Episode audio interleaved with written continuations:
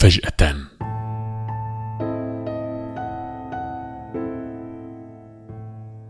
انتبه فجأة أنه الرجل الأكثر وحدة في العالم. اكتشف أن رفقة وقد فقدها إلى الأبد. لم تكن ابنته ولا تعويذته. كان يتذرع بذلك. كان يستخدمها للاختباء من مواجهة نفسه بسؤال. من لي من لي كل الأسئلة استيقظت الآن ومدت برؤوسها كفراخ جائعة ما الذي أفعله؟ لأجل من؟ ما معنى كل ذلك؟ من سيمسك بيدي حين أدخل غيبوبتي الأخيرة كعادة؟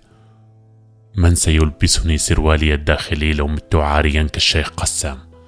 عيد ميلاد من سأستخدمه رقما سريا لخزانتي أي بلاد أي بلاد بلادي هل أنا من دمشق؟ هل أنا من بيروت؟ هل أنا من هليل الحموي؟ هل أنا من الحصو؟ هل أنا من طفولتي؟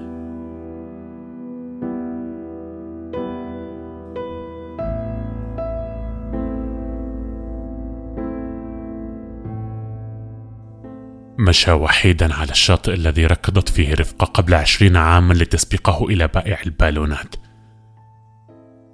شتمها بصوت هامس. قليلة الأصل.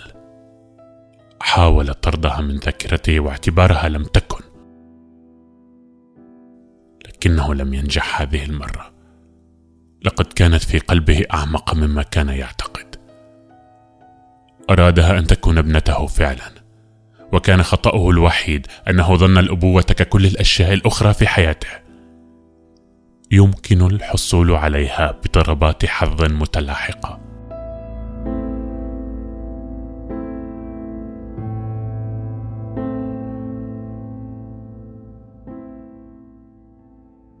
تذكر ذلك اليوم بتفاصيله وتنهد بأسهن لقد ضلل نفسه طيلة عقدين مستخدما تلك الطفلة.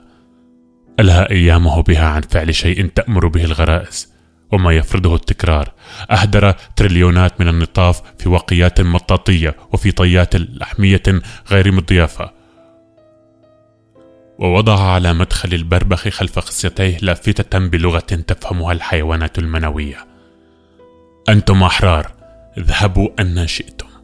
لا أريدكم أن تصبحوا شيئا. لدي واحدة.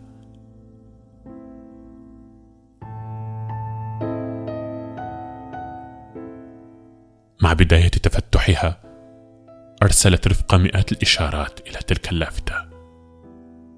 لتزيلها. لكن صاحب اللافتة كان مشغولا بشؤون الدنيا فلم يفهم الإشارات.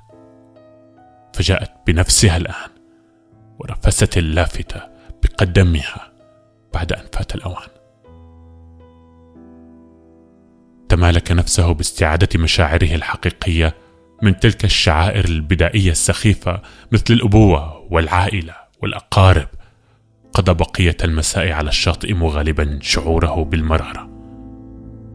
بالمرارة من قدرة فتاة تافهة كرفقة على إحداث هذا الأثر فيه.